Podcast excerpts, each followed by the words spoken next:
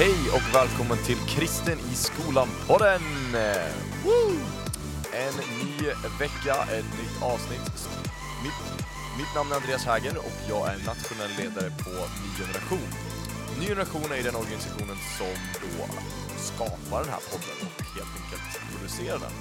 Ny Generation är en rörelse av kristna elever och studenter som väljer att visa på Jesu ljus och kärlek i sin vardag mot sina klasskamrater på olika sätt.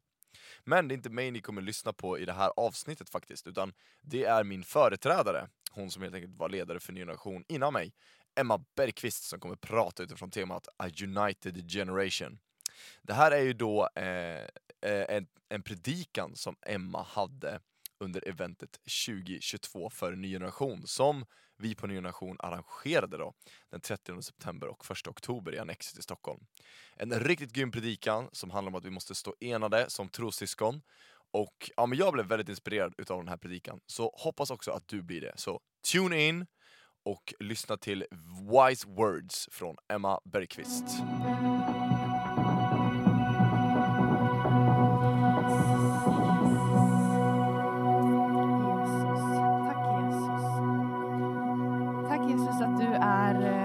Oss den här förmiddagen. Tack att du är, eh, har varit här långt innan vi kom hit.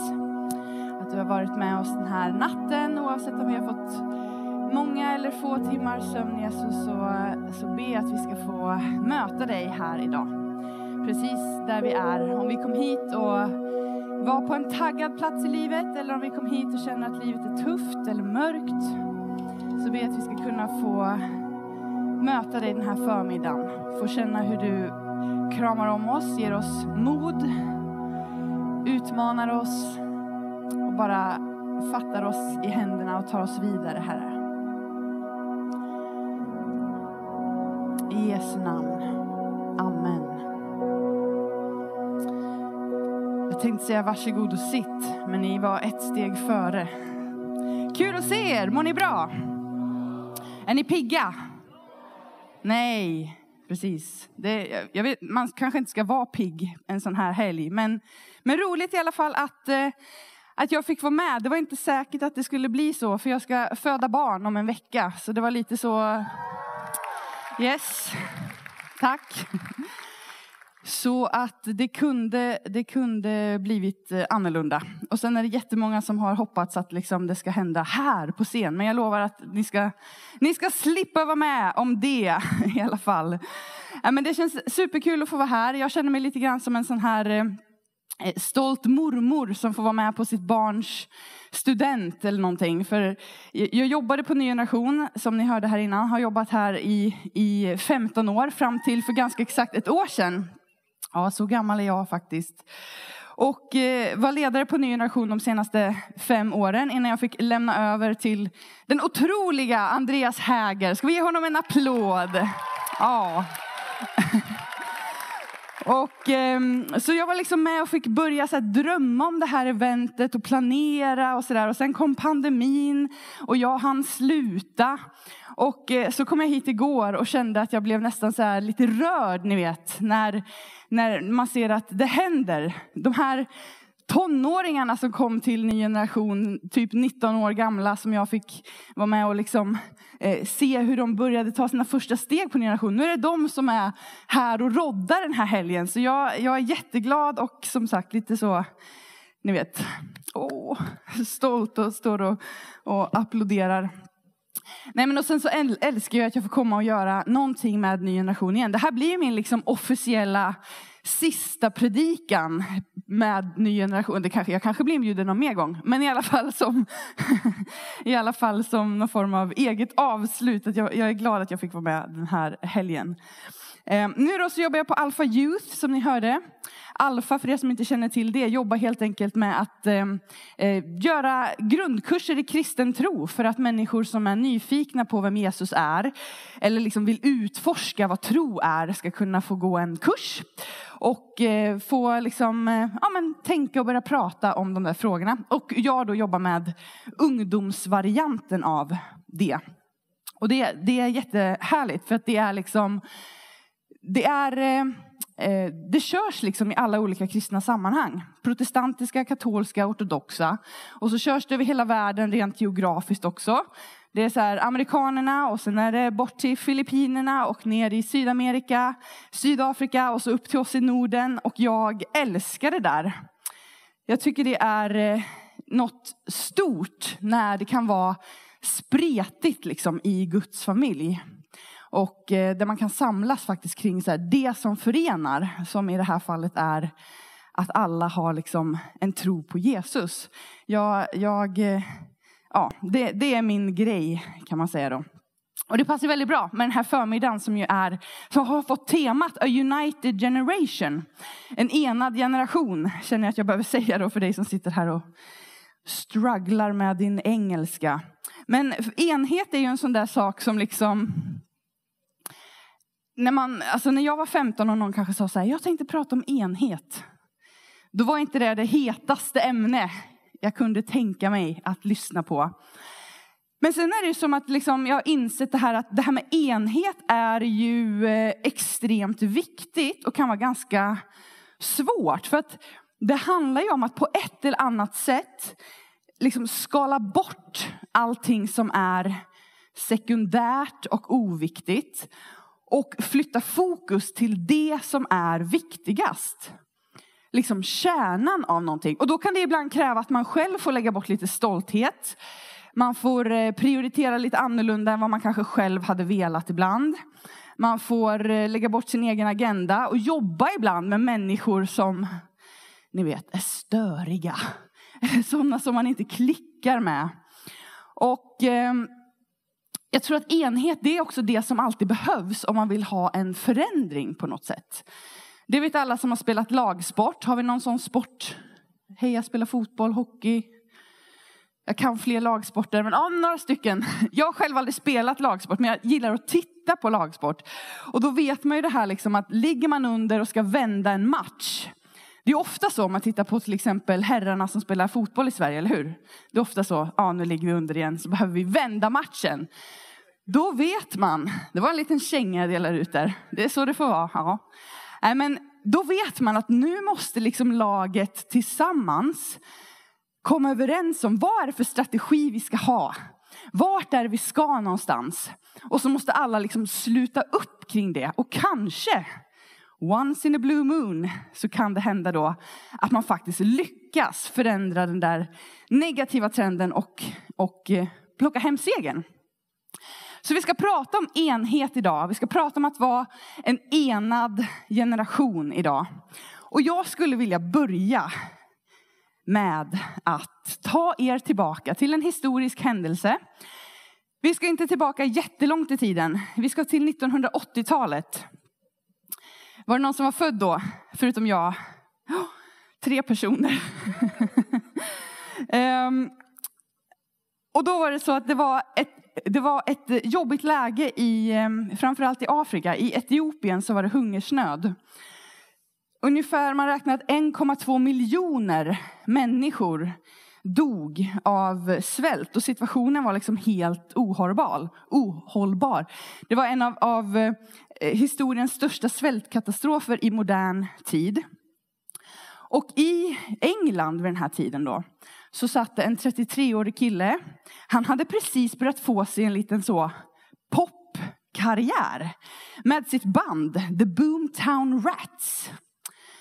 Nej, det var ingen som kände att han hade lyssnat på dem. Inte jag heller. Men i alla fall, det manglades liksom ut bilder på nyheterna på den här svältkatastrofen. Och den här mannen då, han hette Bob Geldof. Och han blev så berörd av de här bilderna han såg så han bestämde sig för att säga, men jag ska åka till Etiopien för att se det här med mina egna ögon. Så han drog dit och fick möta människor och fick se att den här, det verkligen var så som, som, det hade, som de hade pratat om på nyheterna. Människor liksom låg bara ute på savannen i princip och bara väntade på att få dö. För det fanns ingenting man kunde göra. Det fanns ingen mat, det fanns inga pengar. Och han åkte hem och kände att men jag måste göra någonting för att försöka förändra den här situationen. Så han började då kontakta så här, skivbolag, han började kontakta eh, kändisar som han hade börjat lära känna och eh, grundade en organisation som heter Band Aid.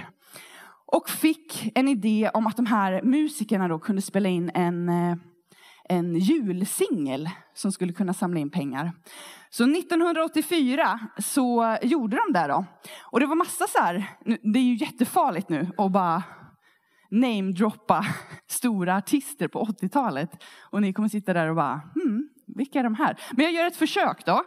Och säger några som hakade på det här så kan ni väl i alla fall låtsas liksom se lite så här, wow, imponerad ut. Men den här, lilla, den här, den här popkillen då, Bob Geldof, han fick i alla fall Queen att ställa upp. You, ja, exakt. Bono, U2, Michael Jackson, Phil Collins, Bruce Springsteen, David Bowie. Ja. Och de sålde den här singeln och fick in massa, massa pengar. Och det här växte sig till en stor rörelse. Så att sommaren då efter så valde man att göra det här som livekonserter, kallade det för Live Aid. Och det skulle köras då samtidigt i London och Philadelphia. Och eh, det skulle visa sig att det här skulle bli en av de största så här, satellitsända, världssända grejerna på tv på den tiden. Så två miljarder människor över hela världen från 150 länder satt och tittade på det här. 160 000 personer var med live och det samlades in 127 miljoner dollar till den här svältkatastrofen i Etiopien. Och eh, man sa då efteråt att det här var the day when music changed the world. Och jag tycker liksom att det här, det här är min favorit eh, youtubning. Så, ni kan gå hem och så youtubar ni in så, Live Aid 1985. För att det är så stort och se när liksom de kommer ut på slutet där och sjunger den här sången tillsammans som de har släppt.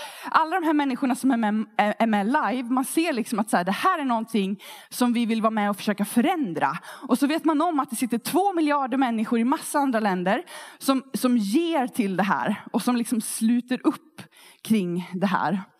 Så jag kan ju sitta liksom hemma och kolla på det här gång på gång på gång för att det påminner mig om något viktigt. Eh, för det första, vad en människa kan göra när man eh, vågar ta de här stegen och tänka att så här, jag ska försöka förändra någonting. Jag vill försöka tänka att det kan bli en skillnad här. Jag vet inte hur det kommer gå.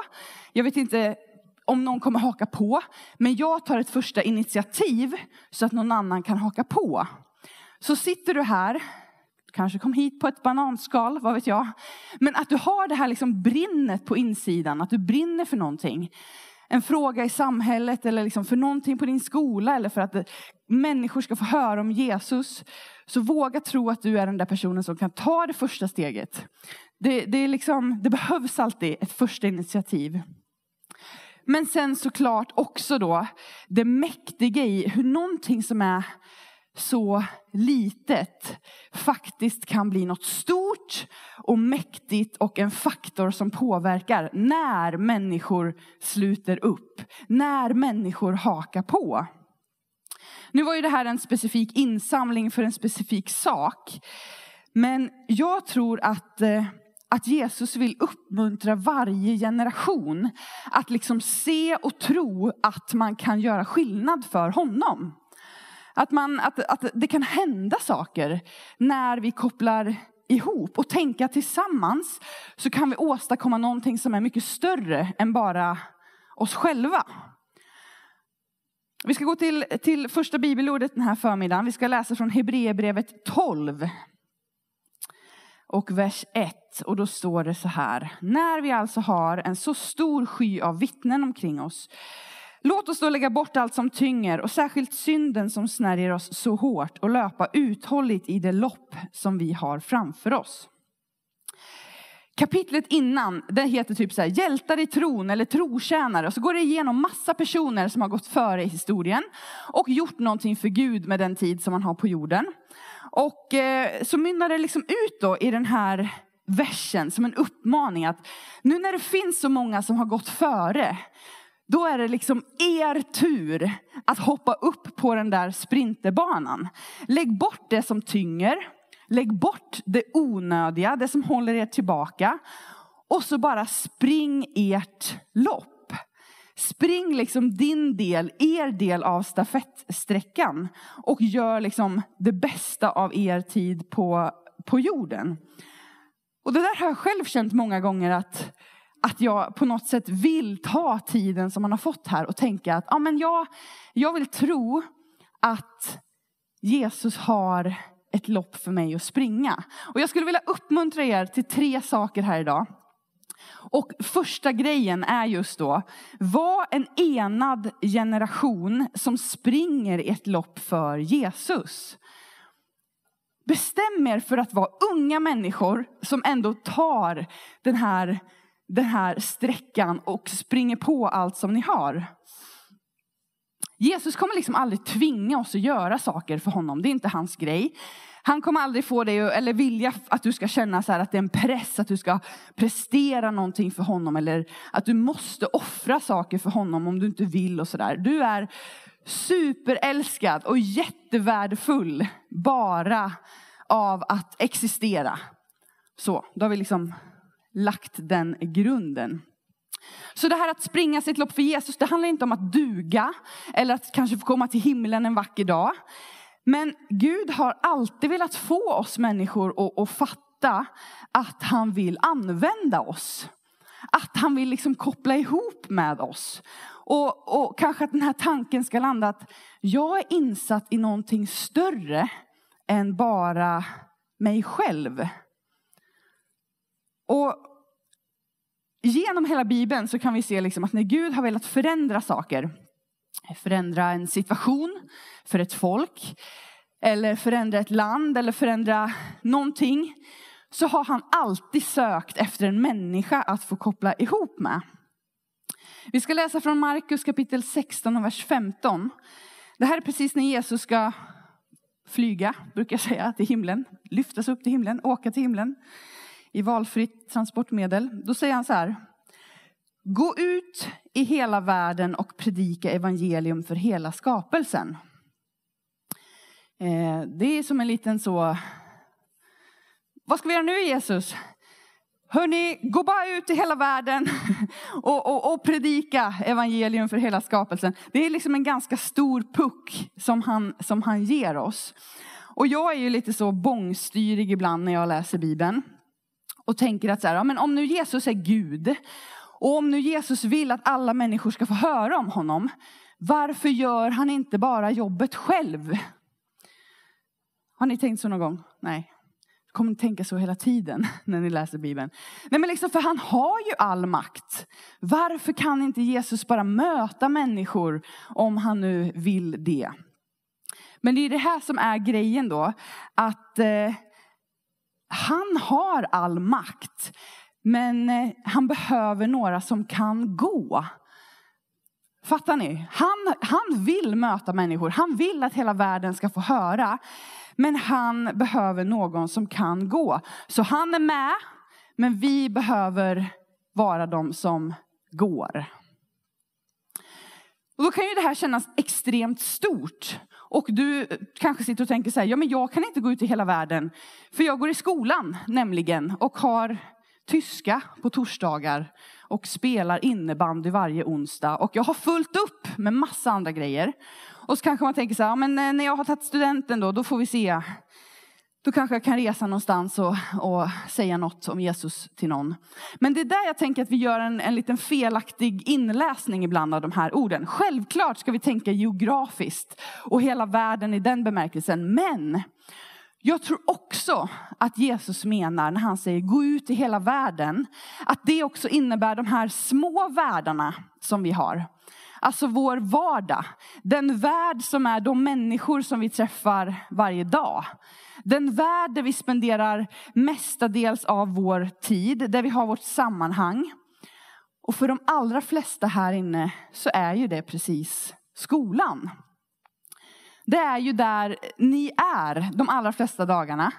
Och eh, jag tänker ofta så när jag liksom hör om ny generation-grupper som startas. Det är en sån där jobbförmån. Jag tycker det har varit eh, något av det bästa med att jobba på ny generation. Att man får höra hela tiden om unga människor som, som startar en skolgrupp. Då tänker jag så här, yes, nu är det en till liten värld nere i Herrljunga som ska få chans att höra om Jesus. Eller varje satsning man hör om. Så här. Nu är det liksom Katedralskolan i Uppsala, de har lånat en popcornmaskin för att eh, dela ut popcorn och berätta om Jesus. Så här. Då tänker jag, jajamän, nu är det några som går ut där i världen och berättar att Jesus älskar dem.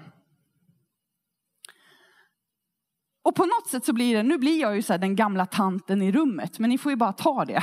Att, att då blir det också som så här, har man jobbat på NG i 15 år, så blir ju allt det där också som länkar i en lång kedja. Man ser det här så här, årskull efter årskull som gör de där grejerna som kopplar ihop och så tar de studenten och så kommer det nya och så tar de studenten och så kommer det nya och så tar de studenten. Och så ser man att tillsammans så blir alla de där småställena, alla skolor, alla de där tonåringarna som vågar, länkar i en kedja som tillsammans springer sitt lopp för Jesus. Och jag vet att det inte är det mest bekväma man kan göra. Jag eh, har själv haft en ny generationgrupp. Och det var jättekul. Det var också jättekämpigt ibland. Och jag sa det, jag, jag, eh, skulle vilja berätta om en situation som hände mig eh, två månader innan jag skulle ta studenten. Och jag har berättat om den här grejen i 15 år. Och alla som har jobbat med mig de är supertrötta på att höra den här grejen. Men jag tänker så här, jag, jag vill ändå berätta den en sista gång i livet, okej? Okay? Då var det så att eh, min generationgrupp och jag bestämde oss för att vi skulle ha en Jesusdag på skolan. Och den här Jesusdagen, vi spånade på och tänkte att ja, men, eh, vi har lite tävlingar, fika. Vi ehm, ställer en person från vår generationgrupp på scenen i aulan. Och så får han berätta varför han är kristen. Och sen kom vi på att vi skulle ha så här att vi går runt i alla klassrum och svarar på frågor om kristen tro. Och våra religionslärare tyckte att det här var en sån bra idé, så de hakade på det här och eh, såg till att eh, den här dagen blir obligatorisk för alla som gick i trean på gymnasiet. Så man var liksom tvungen att vara med på Ny generationgruppens Jesusdag för att få närvaro i skolan den dagen. Ja, och det var jätteinspirerande fram tills kvällen innan. För då började jag tänka så här, men vad har jag satt mig själv i för situation nu? Jag har liksom frivilligt anmält mig till att jag ska gå in i klassrum och svara på frågor om kristen tro. Vad gör jag om jag inte kan svara på frågan? Vad gör jag om jag framstår som helt dum i huvudet? Vad gör jag om det här bara blir den pinsammaste dagen i hela mitt liv? Och så tänkte jag så här, ja, Gud fattar ju att det här går, det här, jag kan inte utsättas för det här. Så jag började be på kvällen, så sa jag så här, Gud, du förstår situationen va? Eh, jag kan inte gå till skolan imorgon, så nu ber jag att du ska göra mig sjuk, sa jag. För jag tänkte att det var en sån smart grej, att jag blir sjuk så jag slipper ta det där pinsamma, men gruppen kan fortfarande göra sin grej. Och så började jag ge Gud lite förslag ifall han inte fattar. Så jag sa så här, ingen så här förkylning eller sånt som man ändå kan gå till skolan med. Utan lunginflammation går bra, maginfluensa går bra. Någonting som bara gör att jag blir liksom sängliggandes. Det blir bra. Somnade, vaknade, jättepigg, superfrisk. Jag hade ingen dålig ursäkt att stanna hemma. Så jag gick till skolan på skakiga knän, fjärilar i magen, mådde så dåligt. Och så började den här dagen och, och det mesta gick väl bra. Och så kom vi då till den här sista stunden när vi ska gå in i klassrummen. Och jag kliver in framför min egen klass och säger, jag minns att jag sa det så här, ja är det någon som undrar någonting så välkommen med era frågor. Det var väldigt många som hade frågor. Men så hände den där grejen som jag var så rädd för att det skulle hända. Min klasskompis Marcus räcker upp handen. Jag har en fråga. Hur funkar det egentligen med arvssynden? Ja, ja du Markus. Nu ska jag titta här i mina papper, Markus. Nej, så sa jag inte. Jag fick ju panik. Ni vet, det står still. Det blir eh, freeze liksom. Um, men då var det som att jag bad liksom en bön på insidan. Att bara, Gud, nu kör jag. Eh, så du får bara lösa det här. Och så öppnade jag min mun och började prata. Och eh, det var som att ord bara liksom ramlade ner i min mun. Och samtidigt som jag stod och pratade så stod jag och tänkte så här, hoppas att någon skriver ner det här nu. För det är absolut inte jag som, som kommer på det här eller som kan det här. Jag kan inte förklara det på något logiskt sätt. Det är fortfarande fram till denna dag något av det mest liksom övernaturliga som jag har varit med om. Men när jag gick hem från skolan den där dagen så kände jag att så här, när Jesus säger till oss så här, gå ut i hela världen, gå ut i din lilla värld, jag ska vara med. Då är han verkligen med. Så jag kände så här, jag vågade gå och då fick Jesus sköta resten. Var en enad generation som springer ett lopp för Jesus. Andra grejen jag vill uppmuntra dig till är, var en enad generation som supportar varandra. Som är de där hejaklackarna för varandra. De där första lärjungarna runt Jesus, det var ju de som liksom gick ut och vände upp och ner på hela världen. Och Jesus har påverkat så mycket av vårt samhälle. Han, han är en av de mest kända personerna i, i världshistorien. Han är en av de mest betydelsefulla människorna. Han har påverkat vår tidräkning. Det finns så många fler skrifter om honom än om Caesar och andra historiska personer. Det är ögonvittnen som har sett Jesus göra allt det där. Det är otroligt vad Jesus gjorde och att vi liksom pratar om det och lever i det där 2000 år senare.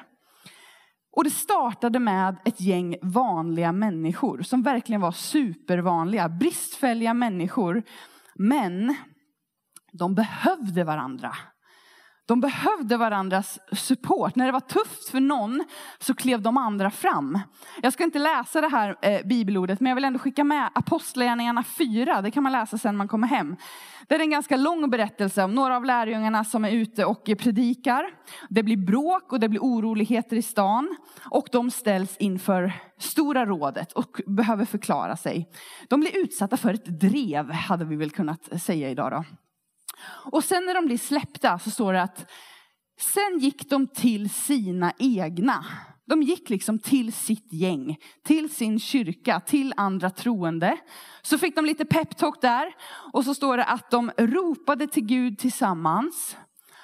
Och att den helige ande kom över dem alla.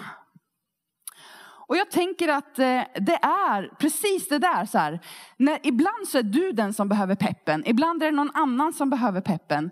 Men när vi funkar bra tillsammans, det är då som vi alla blir välsignade. Det är så vi liksom kan ena oss och bära varandra. Ibland är kanske din viktigaste uppgift att stötta någon annan. Det här ramlade ner i, mitt, i, min hjärna för några år sedan när jag bestämde mig för att jag skulle läsa en kurs på universitetet. Jag läste om anatomi, om kroppen och sådär. Och eh, då skulle vi ha tenta och eh, då var det en ganska stor del som handlade om hjärtat. Och det har man ju hört från att man var jätteliten, att hjärtat det är bra att det slår. För slår inte hjärtat då, då, då dör man, då är det inte alls bra och sådär. Och eh, ju mer jag läste om hjärtat, på något sätt så var, blev jag liksom mindre och mindre imponerad. För jag insåg att så här, hjärtat är inte bara en stor mäktig grej. Utan hjärtat är egentligen bara en sammansättning av massa, massa små funktioner. Jag ska inte gå in på detalj här, det hade jag kunnat göra och då hade ni gått härifrån tror jag. Men, men att det finns liksom muskler som har som enda uppgift att spänna sig lite och slappna av och spänna sig och slappna av. Och det finns liksom muskeltrådar som bara står och drar och stänger och drar och stänger. Elektriska signaler som de får liksom en tumme upp från någon annan och så ger de en tumme upp till nästa person. Står de så. Yes, skicka signaler. Och alla de här små funktionerna tillsammans är det som blir det här hjärtat som håller en människa vid liv. Och jag påminner mig om det ibland när man känner sig sådär liten i sammanhanget. Man tittar på alla andra och bara, Åh, han var cool, hon är jätteduktig, den är så bra och jag kan inte det här och jag vet inte det här och, och alla andra är så jättestora och starka. att när du gör din grej, hur liten den än är, så blir ju du tillsammans med alla andra hjärtat som fortsätter slå. Det kanske är just din lilla funktion, tumme upp-funktionen, som är det som får hjärtat att fortsätta slå generation efter generation. Så var personen som sträcker dig ut till dina syskon i tron, som sträcker dig ut till andra människor. Var den som ber för andra. När någon annan spelar match, då sitter du och, och hejar.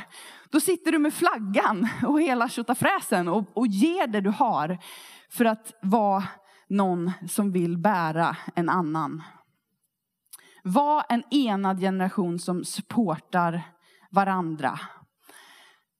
Och slutligen, sista grejen som jag vill skicka med. Var en enad generation som ser olikheter som styrkor. Sista bibelordet jag vill skicka med är från Johannes 13, vers eh, 34 till 35. Då säger Jesus så här. Ett nytt bud ger jag er, att ni ska älska varandra. Så som jag har älskat er ska ni också älska varandra. Om ni har kärlek till varandra ska alla förstå att ni är mina lärjungar.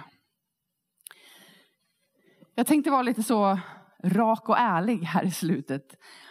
Det finns jättemånga människor som man själv kanske tycker är lite jobbiga. Som man kanske inte gillar, som man kanske inte håller med, sådana man eh, tycker olika som. Och det kan vara så att man är med i en kyrka och så tittar man på en annan kyrka och tänker att de där, de har inte fattat galoppen överhuvudtaget. De gör sådana där konstiga grejer med sådana där konstiga saker. Och de är märkliga och gör si och de gör så. Eller man kanske tycker att någon till och med gör helt fel. Men jag tänker så här, nu är vi liksom på ett event där det inte spelar någon roll vad du kommer ifrån för kyrka. Vad du kommer ifrån för kristet sammanhang. Och då vill jag ändå säga att jag tror vi behöver en ung generation som tänker längre än att bara se på andra som är annorlunda och tycker att det är bara negativt. Vi behöver en generation som kan tänka lite längre än det där. Man behöver inte nödvändigtvis hålla med varandra. Men vi kan stå enade ändå.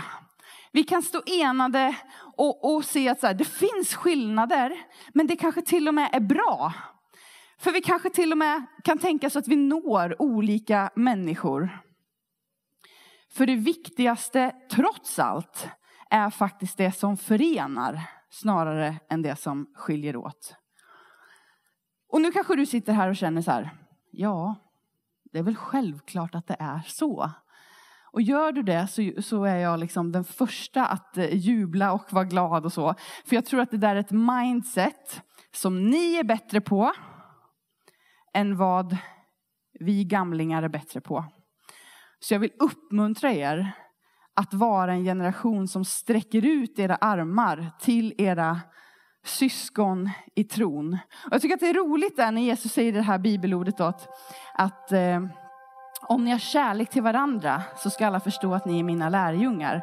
Att han inte säger så här, när ni har kommit överens, då ska, ska alla se att ni är mina lärjungar. När ni ber likadant som alla andra, då ska människor se att ni är mina lärjungar. När ni tror exakt likadant i alla teologiska frågor, då ska människor se att ni är mina lärjungar.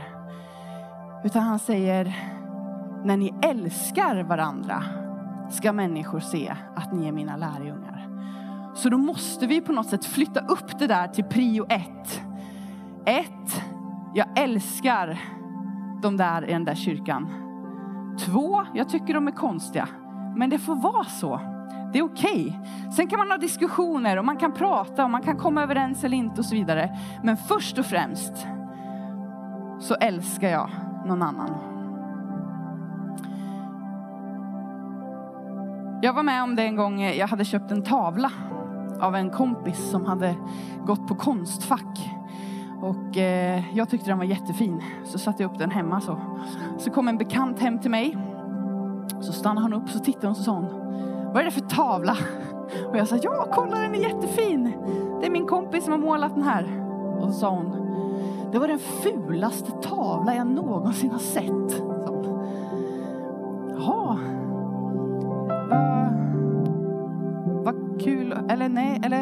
Ni vet, jag visste inte vad jag skulle säga.